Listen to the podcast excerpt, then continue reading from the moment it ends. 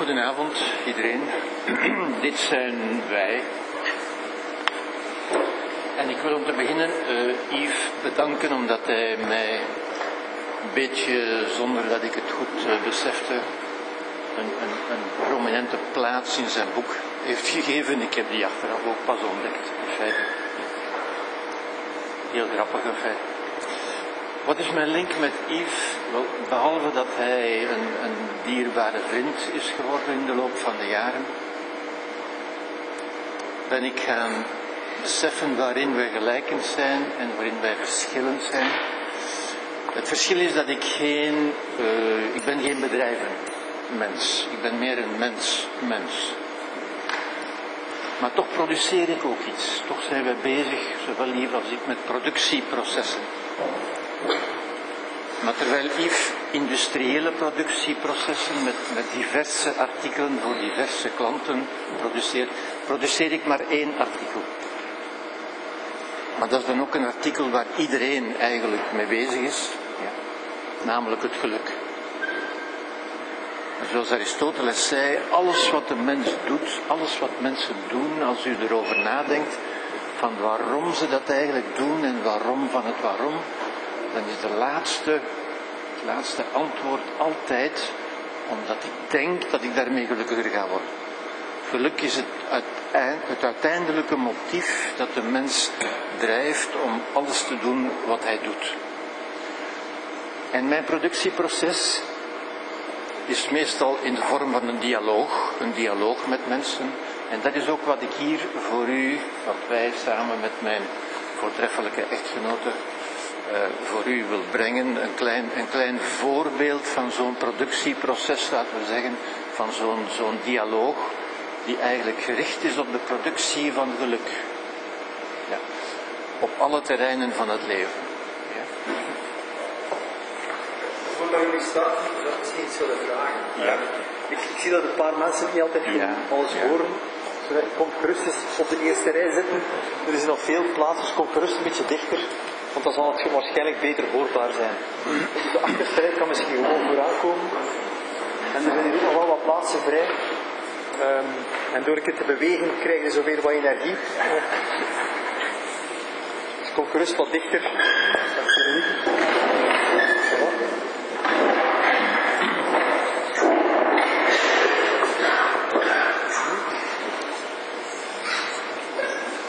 Ja, voilà. Goedenavond, dokter Baks. Ja, uh, ik ben al zo lang op zoek naar geluk. Dus ik dacht, laat ik die therapeut, laat ik die therapeut maar eens opzoeken die het zo vaak over geluk heeft.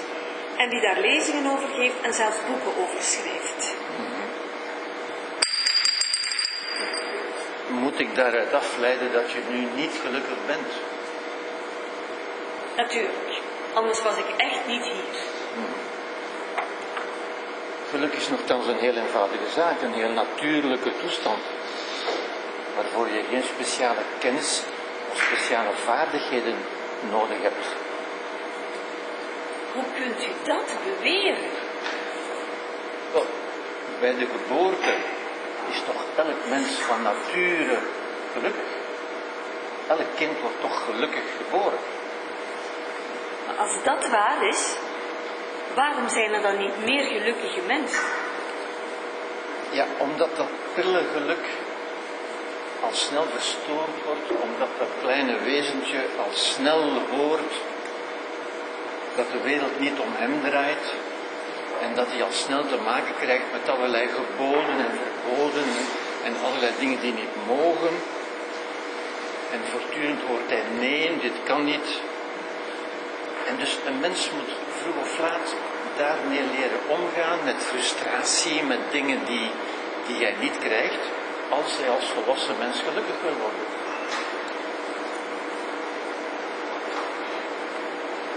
Maar dat is dan toch wel werkelijk een zeer bijzondere vaardigheid.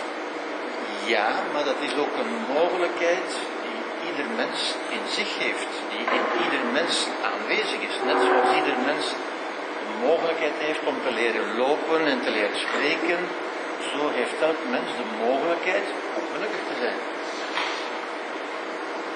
Dat wil ik wel horen en, en aanvaarden, maar hoe weet ik dat ik die mogelijkheid heb? Ja. Oké. Denk eens even na. Kun je je uit je eigen leven een moment herinneren dat je gelukkig was? Gelijk welk moment van je leven? Oh ja, toen ik mijn echtgenoot leerde kennen. Of, eh, ja, die eerste vakantie. Hmm. Maar dat is toch iets heel anders, want toen waren er die omstandigheden die mij gelukkig maakten. Dat omstandigheden je gelukkig zouden kunnen maken? Ja, gewoon, die, die doen het toch met mij. Als de ontmoeting met je echtgenoot je gelukkig maakt, waarom doet hij dat dan nu niet meer? Want hij is toch nog dezelfde. Waarom gebeurt het dan nu niet meer? Ja, maar eh, toen was ik verliefd en nu niet meer. Maar heeft dat dan met je echtgenoot te maken of met jezelf? Mhm. Juist. Dat heeft niets met je echtgenoot te maken, maar alles met jezelf. Ach, hoezo? Je echtgenoot heeft kennelijk niet, het vermogen is kennelijk niet in staat om je gelukkig te maken. Anders zou je dat nu ook nog doen. En meer in het algemeen, mensen of omstandigheden zijn niet in staat van je gelukkig te maken. Zij kunnen mensen niet gelukkig of ongelukkig maken. Als ik die macht zou hebben, dan zou ik al mijn patiënten gelukkig maken. Oké, maar hoe werkt het dan wel? Wel, de ontmoeting met je echtgenoot is de omstandigheid geweest, de context waarin je hebt ontdekt dat de mogelijkheid om gelukkig te zijn in jou aanwezig is. Je hebt dat gewoon op die plaats ontdekt. Maar het geluk dat je hebt ervaren, komt niet van die echtgenoot of niet van die omstandigheden, maar uit jezelf. Het komt uit een bron uit jezelf. Je hebt het gewoon alleen ervaren op die plaats. Je hebt het daar leren kennen. Dus u wilt beweren dat die bron helemaal in mijzelf ligt. Ja, natuurlijk. Maar intuïtief, onze eerste gedachte, zoals mensen nooit gedacht hebben dat de aarde plat is, zo denken mensen ook altijd, dat is zeer intuïtief, dat het geluk uit de buitenwereld moet komen, dat je het moet vinden. En dat je speciale dingen moet doen of speciale vaardigheden moet hebben om het te kunnen vinden. Maar als we beseffen dat de bron van geluk in onszelf ligt, dan kunnen we die eigenlijk altijd leren gebruiken. Dat kunnen we leren. Dus ik kan altijd en overal gelukkig zijn. Dat heb je perfect begrepen. Maar hoe dan? Wel, uit modern onderzoek weten we dat als mensen zich voorstellingen maken, als ze denken aan dingen, als ze hun aandacht richten op dingen die mooi zijn, die goed zijn, die waardevol zijn, die zinvol zijn, wel, dan ontstaat er in hun brein een productie van gelukshormonen. En iedereen kent die gelukshormonen tegenwoordig, hè? dat is dopamine, het hormoon van het plezier, van de verslaving ook heel vaak. Ja. Serotonine, het hormoon van de sereniteit, het woord zegt het, het gelukshormoon. Ja. Oxytocine, het hormoon van de sociale verbinding, van de, van de hechting. En endorfines, die onze interne morfines zijn. Ja. En die, die, dat wordt geproduceerd op het moment dat wij denken, dat we ons voorstellingen maken van wat goed en mooi en waardevol is. En daardoor ontstaat een ervaring van welzijn en van geluk. En dat is een manier die veel efficiënter is en veel goedkoper en met minder bijwerkingen dan antidepressiva. En die iedereen eigenlijk altijd kan. Omgekeerd weten we natuurlijk ook dat als mensen, en dat zien we ook heel vaak, als mensen denken aan het lelijke of aan negatieve dingen, aan haat, aan wrok, aan wraak, aan vechten, strijden, oorlog, woorden die we zo vaak horen, of aan het kwade. Wat is het kwade? Het kwade is wat lijden veroorzaakt of wat dood veroorzaakt. Maar als we daaraan denken, als we die gedachten in ons laten aanwezig zijn, dan ontstaat de productie van stresshormonen. Cortisol, adrenaline, noradrenaline enzovoort. Met andere woorden van onwelzijn. Maar ik kan mijn gedachten toch niet altijd controleren. Ik word, eerlijk gezegd, zo vaak geplaagd door die negatieve, destructieve gedachten. Ja, ja inderdaad. Niemand kan zijn gedachten controleren. Gedachten zijn pop-ups. Gedachten ontstaan in ons en niemand kan dat controleren. En uw gedachten komen heel vaak uit uw verleden en niemand kan zijn verleden wegdenken en dat is onvermijdelijk. Omdat vaak gaat het over negatieve dingen, dingen die wij negatief noemen, omdat die nu eenmaal meer in ons geheugen blijven hangen. Daar heb je geen keuze in, omdat het verleden niet zal weggaan. Nooit, bij niemand. Maar je hebt wel keuze in hoe je met die gedachten omgaat. Niet dat ze zich voordoen, maar wel hoe je ze onthaalt. Gedachten zijn geen vijanden en hebben geen macht, tenzij je ze gelooft. En als je er geen bijzondere aandacht aan besteedt, en mensen besteden er vaak aandacht aan op een negatieve manier. Dat wil zeggen, ze verzetten er zich tegen, ze willen ze wegduwen, ze proberen ze er niet aan te denken. U moet, u eens proberen er niet aan te denken, dat lukt niet. Daarmee geeft u gewoon aandacht aan die dingen. Ja. Maar je kan deze bezoekers ook vriendelijk onthalen. Je kan er tegen glimlachen. Ja. Ze kunnen je uiteindelijk niets doen. Gedachten zijn maar gedachten.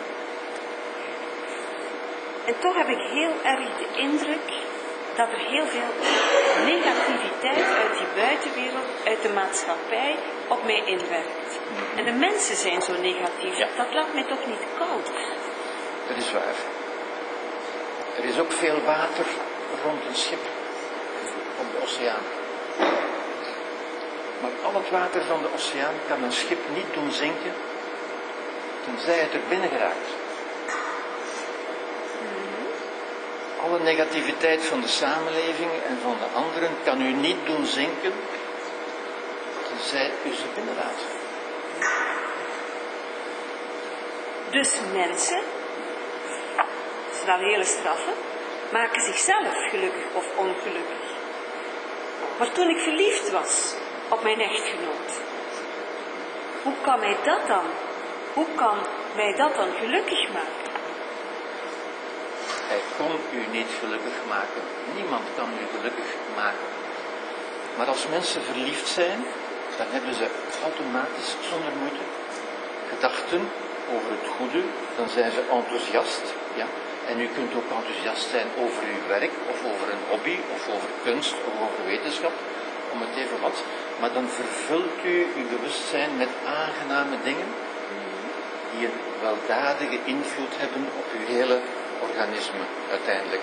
Het zijn voorstellingen, aangename voorstellingen, die tot gelukshormonen leiden.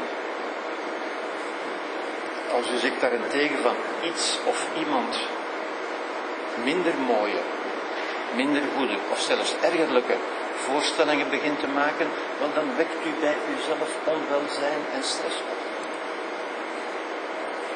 Dus verliefdheid gaat over omdat ik mij, omdat ik andere voorstellingen maak. Zeer juist, inderdaad.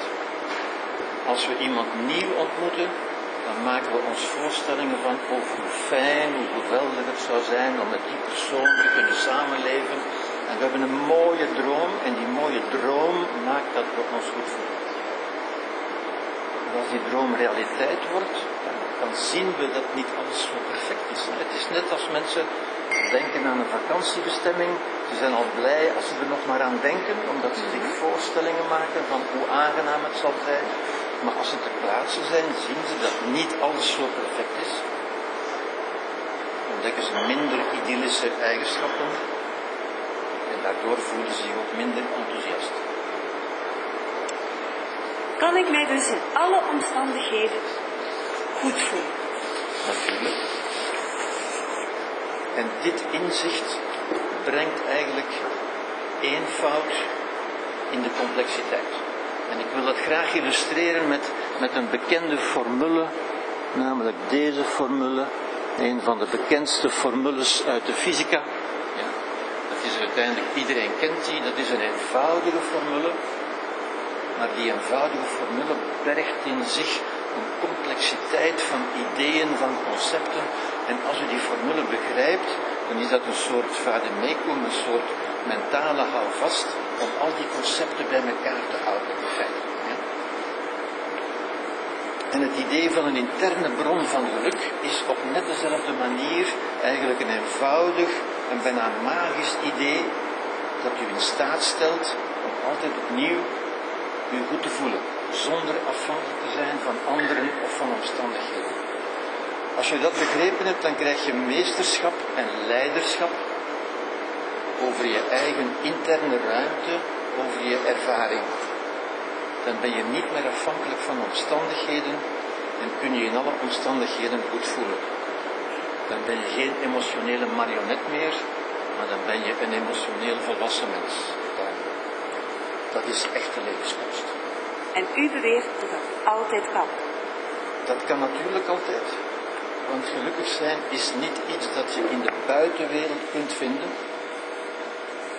Maar het is een persoonlijke vaardigheid, persoonlijk inzicht dat je altijd met je meeneemt. Gelijk waar je bent, in gelijk welke omstandigheid. Wat niemand van je af kan nemen, wat je niet kunt kwijtraken, wat bij je hoort. Als je het eenmaal begrepen hebt. Het is een beetje zoals leren fietsen of leren viool spelen. Als je kunt fietsen, ja, dan kunt u overal fietsen. Als u kunt viool spelen, kunt u overal viool spelen. Want dat zijn persoonlijke eigenschappen die bij u horen. Niet bij de omstandigheden of bij de plaats waar u bent. We laten het dan eens heel eventjes over het werk hebben. Dus, zoals u het stelt, kan ik dat overal meenemen en kan ik, dat ook, kan ik ook gelukkig zijn op mijn werk. Zeker. Het principe blijft altijd hetzelfde. E is mc kwadraat. En onthoud dan dat E staat voor de energie van enthousiasme of enchantment of empowerment. Ja? De M, de M staat voor motivatie. En de C kwadraat staat voor competentie maal commitment. Maar op het werk, eerlijk gezegd, meneer Baks, is er toch wel heel veel stress de dag van vandaag. Stress is eigenlijk een algemene vorm, een, een, een niet nader gespecificeerde vorm, een algemene vorm van, van onwelzijn, van lijden, zeg maar.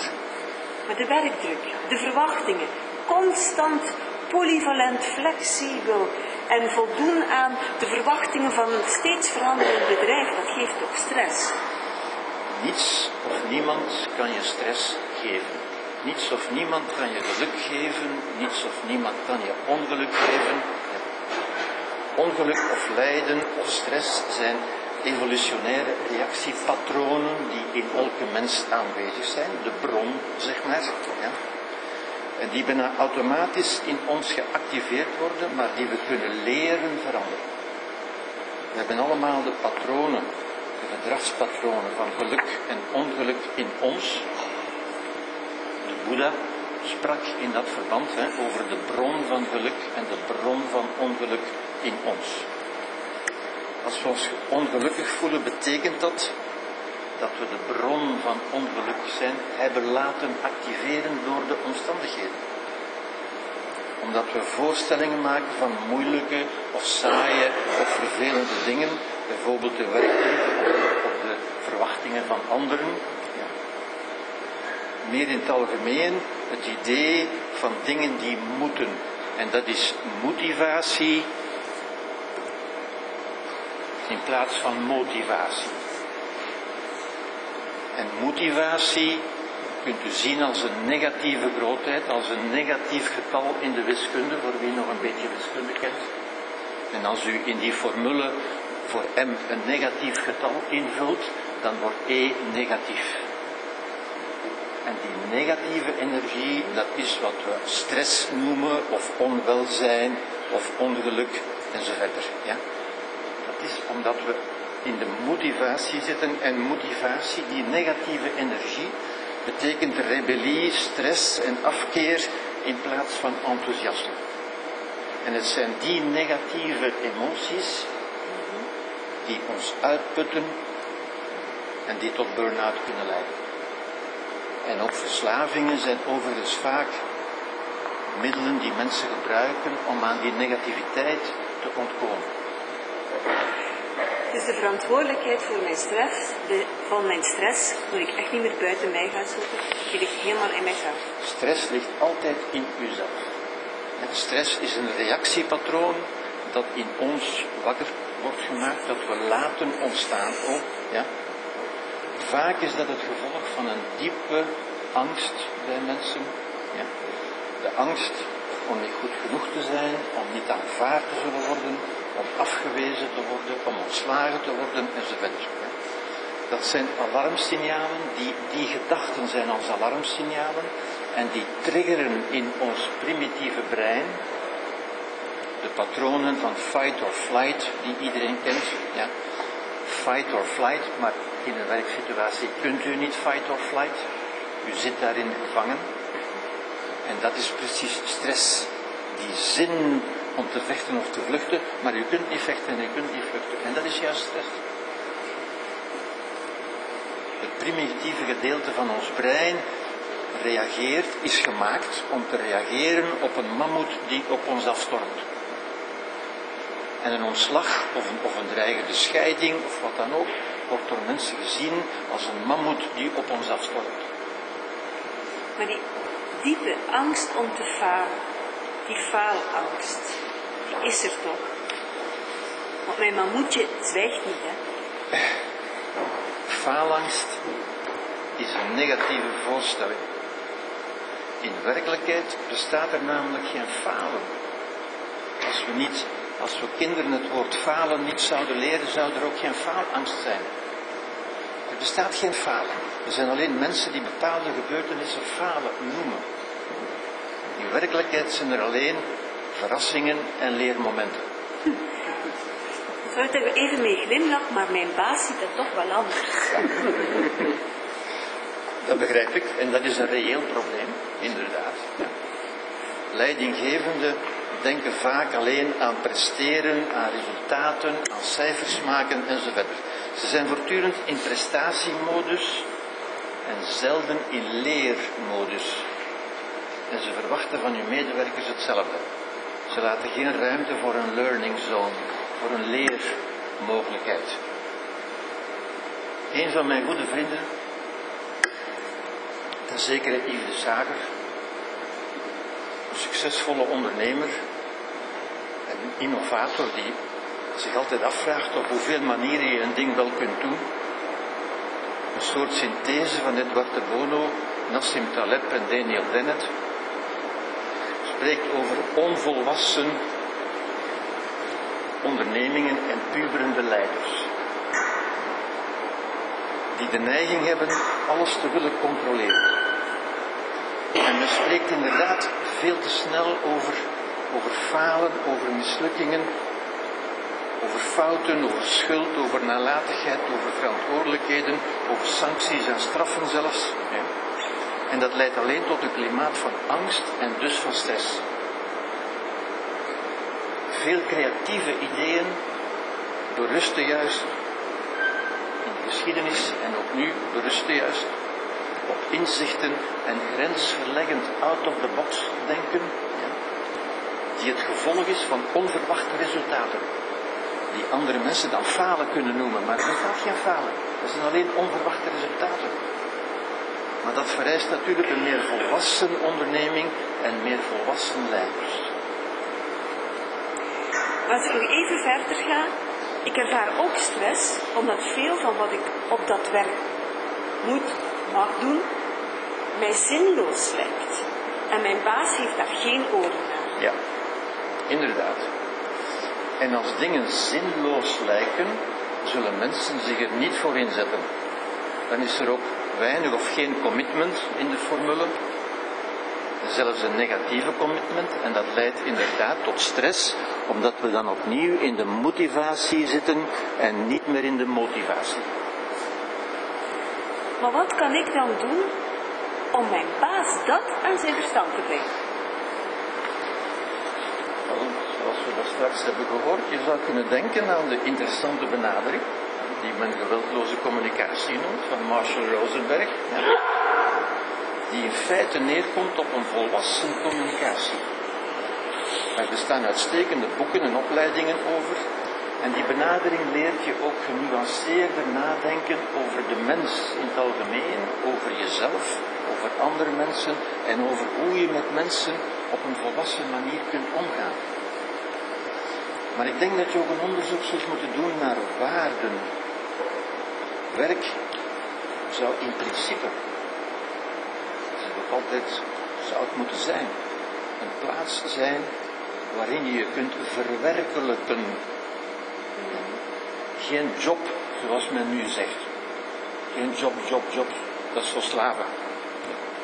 Maar een baan, arbeid, waarin je kunt verwerkelijken, waarin je mens kunt worden, waarin je je waarden kunt beleven.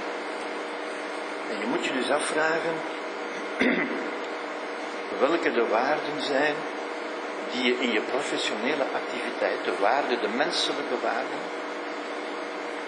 die jouw werk voor jou zinvol kunnen maken. Wat is je reden, je motivatie om te doen wat je doet? En als je geen goede reden kunt vinden om te doen wat je doet, behalve het idee dat het moet, dan moet je je ernstig vragen stellen of je dat nog wel moet doen. Want dat is niet waardig voor een volwassen mens. Dat is heel wat om over na te denken.